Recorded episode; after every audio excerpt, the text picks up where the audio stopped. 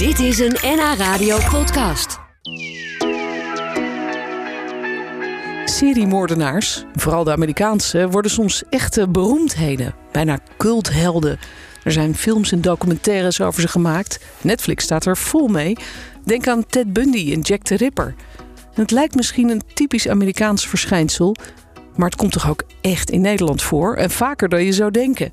Dat is te lezen in het boek Seriemoordenaars in de Lage Landen, geschreven door Hieke Winke Jans en Ralf Schippers. Ze bieden daarmee een soort tegenwicht aan die soms wat romantiserende films en series. Want een seriemoordenaar, dat is toch echt iets heel anders dan een gewone moordenaar.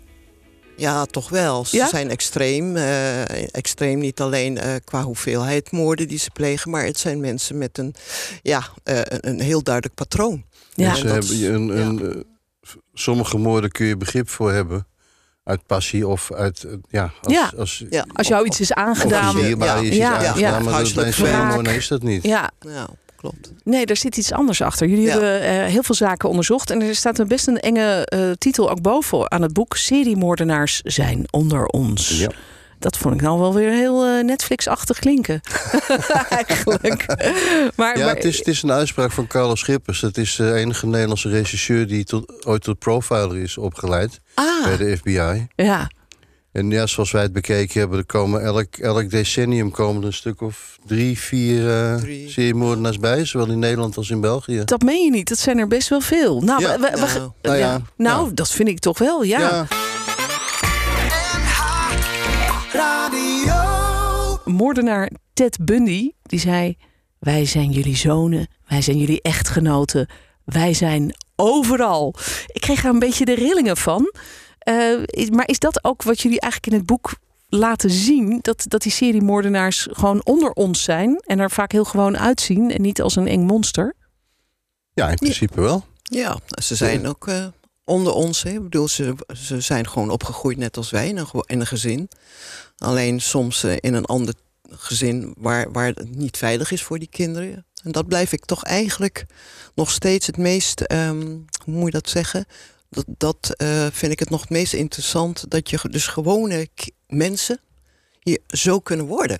Ik bedoel, die zijn ooit gewoon begonnen zoals wij allemaal. Als een schattig kleutertje. Ja. Ja. dat kan dus in alle milieus, dus daar heeft het niks mee te maken. Nee. Nee, gaat het dwars door alle sociale lagen heen? In Ja, principe in kan dat zo zijn. Het, ja, maar het gaat om de onveilige situatie thuis. En hoe wordt er met deze kinderen omgegaan? Hè, dat kan zijn natuurlijk van alles, huiselijk geweld, eh, drugs. Maar het kan ook zijn eh, gewoon dat die kinderen gewoon eh, zeg maar genegeerd worden. Eh, gewoon niet gesocialiseerd worden. Daar moet je het eigenlijk, net als met een hond, begrijp je wel. Ja. Je moet mensen en dieren socialiseren. Ja. En als dat niet gebeurt, of je vernedert ze, ja, Ja. weet je, dan, dan, dan gaat er iets ont, ontwikkelt zich er iets, er ontstaat een mechanisme. Want wij mensen zijn heel ingenieus. Hè? Als wij eigenlijk heel kwetsbaar zijn, gaan we iets anders. Ontwikkelt zich er iets in ons. Ja. En in dat geval, in dit geval bij seriemoordenaars, is het bijvoorbeeld fantasieën.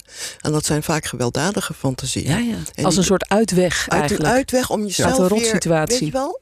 Maar ze Ja. hebben dan Ja. wel al in zich, eh, het zijn in principe allemaal psychopaten, oftewel mensen zonder geweten. Ja, ja. Het is eh, de, de overeenkomst tussen alle seriemoordenaars. Ja, maar ik begrijp uit jullie boek dat niet alle psychopaten worden natuurlijk een seriemoordenaar. Want ze kunnen ook een CEO worden of een directeur van een eh, groot succesvol bedrijf. Absoluut, de financiële wereld. Daar, daar zullen ongetwijfeld eh, meer mensen met psychopathische karaktertrekken zitten. En die heb je ook nodig voor je dat moet harde werk. beslissingen Ja. Je nemen. moet harde hè? beslissingen nemen en, en, en niet moeten denken van... oh god, dan gaat dat bedrijf misschien om. Of mensen die ze, dan gaan- worden massaal hun huis uitgezet, weet je wel, 2008. Dan moet je allemaal geen last van hebben. Je moet een zekere hardheid Je hebben moet- en, en Ja. een soort gewetenloosheid. Ja, gewetenloosheid. Daar begint het wel mee. Dat moet je alvast in huis hebben. Ja. Eh, Ja, en dat, Ja. Is, dat is gewoon een hersenafwijking. Dat is, zit Ja. een draadje niet goed. Oh ja, dat is ook Dat gewoon fysiek ook. Ja. aantoonbaar. Gewoon Ja. op, op een scan, zeg maar. Toch? Nou ja, Toch? Zeg jij het eens? Ik dacht het. nou, er, er is onderzoek gedaan met scans, laat ik het zo zeggen. En daar is inderdaad uit voortgekomen. Daar hebben ze kunnen zien dat er bepaalde delen binnen de hersenen... die voor ons belangrijk zijn, voor onze beslissingen, emoties... beetje eh, enzovoort, uitgeschakeld, toch? dat daar, dat, daar, dat daar iets mist, laat ik het zo zeggen. Ja, ja. In vergelijking met de gezonde mens. Ja, en eh, het, het zijn dus mensen die eigenlijk onder ons leven. Het kan de buurman zijn of eh, misschien zelfs je broer. Dat is helemaal een eng idee natuurlijk. Maar eh, straks zullen we het wel over hebben hoe je ze dan zou kunnen herkennen. Als dat zo is, dat het dus niet allemaal enge monsters zijn met... eh, hè, wat je natuurlijk vaak Ja. in de series wel een beetje ziet. Dat je denkt, ja, die ziet er ook zo gek uit. Ja, Hè, wat, wat verwacht je? Nee, dat is onzin. Ja. Ja. ja, dat is Ja. onzin. Ehm, ehm, maar ehm, jullie eh, hebben je verdiept in allemaal Nederlandse zaken. En eh, ik denk dan dat zijn dan vooral mannen. Eh, maar dat is toch niet helemaal waar. Ja, de meerderheid is wel man. Dat is met altijd alles, hè? Sorry hoor. Ja, nou sorry. Eh, wat vind jij Nee, daarvan? ik, ik ja, heeft een heel boek over vrouwelijke moordenaars Ja. geschreven. ja. Dus wat dat betreft. eh, Maar, de, nee, maar de, de seriemoordenaars, ik heb een beeld van het is een man. Het is meestal een blank man. En het is meestal misschien iemand die in de westerse wereld... misschien in een, in een stad opgroeit of zo. Dat is een beetje mijn niet, eh, maar het beeld. kan ook, maar, het kan ook eh, op het platteland zijn, juist. Eh, Ja. Ik bedoel, bij isolement kan ook meehelpen. Willem maar- van Eyck, hè? Willem van Dat Eyck was is een boer. Ja. Ja. ja, die heb je er ook tussen. Ja, maar maar er er zijn dus ook vrouwen die... Maar er zijn vrouwen. En het gekke is, wat ik dus wel ontdekt heb met dit boek... en dat vond ik toch wel apart... want we weten van vrouwelijke moordenaars... althans die veroordeeld zijn... dat zijn ongeveer nog net geen 10% van alle hè, moordenaars... zou ik maar zeggen, die veroordeeld zijn. Dan. En bij seriemoordenaars schijnt het dus 17% vrouw te zijn. Dus dat Oh, is best veel meer. In verhouding, hè? Verhoudingsgewijs. We hebben het over Ja, verhoudingsgewijs. dus bijna Is dat 1 op de meer? 5. Ja, precies. bijna 1 op de 5 is vrouw. Dat zou ik niet denken. Wa- Wat is eigenlijk het verschil tussen een moordenaar en een seriemoordenaar? Ja, een seriemoordenaar heeft er wat meer vermoord. Maar waar ligt die grens? De grens ligt ehm, ja, in principe bij twee nu, maar officieel. En dat is, eh, dat is ooit eh, meer geweest, drie. En dat is later door de FBI het, eh, zeg maar, aangepast. En er moet En een, dat- pe- een periode tussen zitten. Dus een, eh, Ja, het moet niet allemaal achter elkaar, maar er zit dan een rustperiode tussen steeds. Ja, ja. ja. En als een seriemoordenaar... ja, dus als, als iemand in, in één klap twee mensen tegelijk doodschiet Nee, nee, of, nee, of hij vermoordt, helemaal dan is hij nog geen seriemoordenaar. Nee, hij- Tenzij die daarna weer twee mensen daarna Ja, ja. over een tijdje. Oké, nou je even voor de Ja. duidelijkheid. Ja, dan, hebben we de definitie eh, helder. Eh, maar die, die vrouwelijke seriemoordenaars, die zijn er dus wel degelijk. En dat Mm. zijn er ook best wel veel. We hebben eh, Nou ja, er ook wel eentje... Nou ja, ver- ja, nou ja, vind ik toch bijna 1 op de 5. 17% ook Ja. wel meer, ja. We hebben bijvoorbeeld, eh, schrijven jullie in het boek, Marianne van der Eijden gehad. Die Ja. opgroeide op Texel en studeerde in Amsterdam. Ja, ja eh, Marianne is, vind ik, een heel fascinerende vrouw. Omdat, ja, als ik aan haar denk, dan denk ik aan metamorfose. Dit is dus een vrouw, komt uit een goed milieu. Hè, Ja. Vader wiskundeleraar. Eh, nou ja, die verhuizen dan naar Texel. Dan wordt hij hoofd van een school. Ja, je kunt het bijna uittekenen. Ze had van die plooirokjes aan, had ik begrepen. Dus een heel keurig meisje in de jaren zestig. Hè. Ik bedoel, het is Ja, een, een Maar een gelukkige tijd. jeugd dus, lijkt het. Lijkt het, maar daar weten we heel weinig van. Hè, daar weten we weinig van. Dus het kan ook benauwend zijn geweest. Ik vermoed dat ze toch ook christelijk zijn geweest, maar ik weet niet zeker. Kan ik niet, eh, maar er moet iets benauwends zijn geweest voor haar. Ja, want ze ging naar Amsterdam. Want ze ging naar Amsterdam studeren, biologie. En, en eh, nou, ze gingen lekker op los. eh, lekker hè, was, wild leven. Nou, waarom niet? ja, Ik bedoel, studententijd. studententijd. En ze hield, ja, ze dronk graag. Ze hield van mannen en van, hoe heet dat? Eh, nou ja, je weet wel, met die, hoe noem je die dingen? Met een, eh, wat mannen en, eh, nou ja, enfin, biljarten. biljarten. Oh, Biljarten. Oké, Ja, ik zat aan hele andere dingen te Ja, denken. nee, sorry, ja, ook. nee, andere dingen zullen ook misschien kunnen. Ja, misschien wel. Maar ja. Maar ze is op een gegeven moment is ze los. Ze, kreeg ook overal ruzie, hè? ja, conflict was echt haar ding. Dus overal kreeg ze ruzie waar ze ook terecht kwam. Want ze heeft de biologie wel afgemaakt. Ze heeft ook in bedrijven, en, of ze heeft zelfs voor een ministerie gewerkt, meen ik. Maar overal conflicten. Die vrouw gaat overal met conflicten weg. Dus daar is iets niet oké. En achteraf, als je dat. En ja, even over die metamorfose. Dus dan heb je die Ja. metamorfose. En dan op een gegeven moment trekt ze zich door al die ruzies, hè, verliest haar werk en dergelijke. Komt ze eigenlijk in isolement terecht, sociaal isolement. En dan zie je ook dat ze zich letterlijk terugtrekt uit de wereld. Ah, ja. Ze- Dus zo eindigt ze daar ergens in Arnhem met Friesland. Ja. Een soort eindstationnetje. Ja, maar dan heeft ze dus wel al mensen vermoord. Eh, nee, dan, toen Oh, nog dan niet. nog niet. Oh, dat gebeurt later. Oh. dus bij dat eindstationnetje, Oh. zou ik maar zeggen, in Ja, ja. En, dan, en dan gaat ze, verkeert ze ook alleen maar. Ze heeft wel geld, dus ze heeft daar ook wel een, een pandje gekocht. Een Dus ze vangt mensen op, hè? En dan vangt ze mensen op. En dat zijn Ah. allemaal randfiguren. Dus, ja. Dus eh, dan, dan, dan leeft ze samen met randfiguren. Maar ja, dat gaat ook niet. Ja, zij heeft ook een hele, al- allemaal mannen. Maar zij heeft ook een hele rare verhouding. Of moeilijke verhouding. Ingewikkelde verhouding met mannen. Dus dat is ook... eh, ja, Ja. Er werd over gezegd, de mannen die ze kan krijgen, die wil ze niet. En de mannen die ze wil, Die, Die willen haar Die dan niet. ze. Ja, ja. Nou nou, goed, daar kan ze niks mee. Komt Ja. niet helemaal. Nou, het, het ging goed mis daar op haar laatste stationnetje. ja, voor, dat eh, laatste voor, een aantal, eh, ging het mis. voor een aantal mannen. We praten er zo over Ja. verder. Eh, we hadden het net al even over vrouwen die seriemoordenaar zijn. Dat had ik al niet verwacht. Maar ik kan me voorstellen dat die wel over het algemeen op een andere manier moorden dan mannen. Want mannen hebben natuurlijk wat meer kracht en wat meer geweld. Zijn de vrouwen meer gifmengers en de mannen meer de nou, Ja. stekers en, en Van neppers? oudsher wel. Van Ja. oudsher is dat zo. En vrouwen, eh, ja, die moeten het van andere middelen hebben, zal ik maar zeggen. Ja, ja. Maar vaak juist daardoor stille moordenaars. Hè? Vrouwen worden stille moordenaars genoemd. Juist omdat wij vrouwen dus dingen doen die niet gauw in de gaten... Die geen troep geven. ja, die geen het- troep geven, Ja, ja. maar die ook geen sporen achterlaten. Ja. Dus- Ja, bijvoorbeeld, eh, ik, ik heb verpleegsters. Hè, daar hebben we natuurlijk ja, wel eens eh, wat zaken van eh, gezien. En Ja. die zien zichzelf ook eigenlijk niet als moordenaar, maar Tuurlijk meer als, als reddende engel. Van Ja. die helpt mensen uit hun lijden. Tuurlijk. Ja, Ja. sommigen wel. En Dat zijn de engelen des doods. Ja. Ja. Die. Ja. Ja, maar dat is een meer mooie naam eh, wat ze er later toch bedacht hebben, vind ik. Het is ook een beetje een, een soort... Ja, Ook romantiseren weer. het is hè? ook eigenlijk weer romantiseren, Ja. want uiteindelijk gaat het over controle en macht hebben over leven en dood. Dus ja, Ja. zo van, vind ik niet romantisch. Nee, en jullie proberen in dit boek juist ook een beetje dat romantische beeld weg te halen. Ja. Juist te laten zien van, ja, we hebben hier gewoon te maken met psychopaten Ja. die gruwelijke dingen doen eh, bij andere mensen. Ja. En bijvoorbeeld het verhaal wat hier in Noord-Holland in Amsterdam heel veel eh, verdriet heeft eh, gedaan, dus wel lang geleden, van eh, eh, het verhaal van Gerard Spruit, Ja. de Donald Duck verkoper in Amsterdam-Zuid. Ja, ja, was jaren zeventig. Dat die, die, eigenlijk speelde het al veel langer, want hij had al eerder kinderen misbruikt. En die, die man is helemaal niet goed geholpen ook.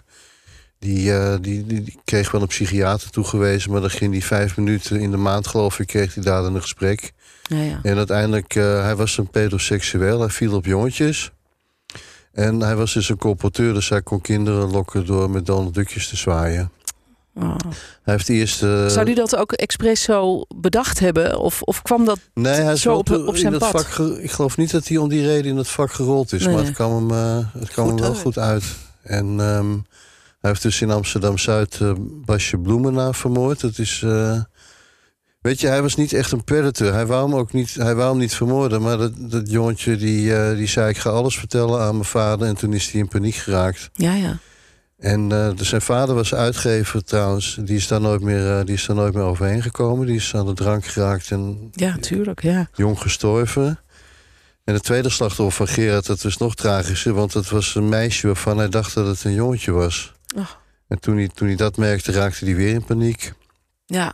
Maar dat is dan toch iets anders dan een seriemoordenaar, wat ik me erbij voorstel, die, die echt eh moord uit, uit sadisme of uit. eh, Ja, dat om zijn- hij niet. Nee, dit was eigenlijk meer een soort paniekreactie, hoe Ja. afschuwelijk ook. Dus het is eh, qua patroon is hij wel een seriemoordenaar. Ja, Maar geestelijk gezien zou je, ja, je kan, je- dan kun je je vragen bij stellen. ja, ja. Maar het heeft zich enorm... zijn zoon uiteindelijk heeft ook iemand vermoord. Het is allemaal bijzonder tragisch. Peter R. de Vries heeft er een heel mooi boek over geschreven. Ja. En dood kost mooi- meer levens. Maar er zijn seriemoordenaars die niet kicken op het doden zelf, hè? Mhm. maar wel wat er aan vooraf gaat. Ja, wat jij net zei, die, Ja. die macht, dat gevoel van Ja. controle. Ja. Dat, Ja. Dat, dat, Dat jij als mens eigenlijk het leven van een ander in jouw handen Ja. hebt. En maar Dat- dat, wil, dat- ja, precies. Maar de kick zit, nou ja, kick dat klinkt zo akelig. Maar de, de opwinding zit er meer vooraf dan soms die daad zelf. Ja, maar en- bij anderen wel weer. Dan is juist het doden zelf het, ehm, ja, Ja. Ja. En je vertelde net dat het eh, vaak mensen zijn die in hun jeugd eh, het niet makkelijk hebben gehad. Met, eh, ja, die bijvoorbeeld veel met, met vernedering en, en isolatie te maken hebben gehad. En niet iedereen wordt dan natuurlijk een seriemoordenaar, maar dit kunnen ingrediënten zijn. Ja.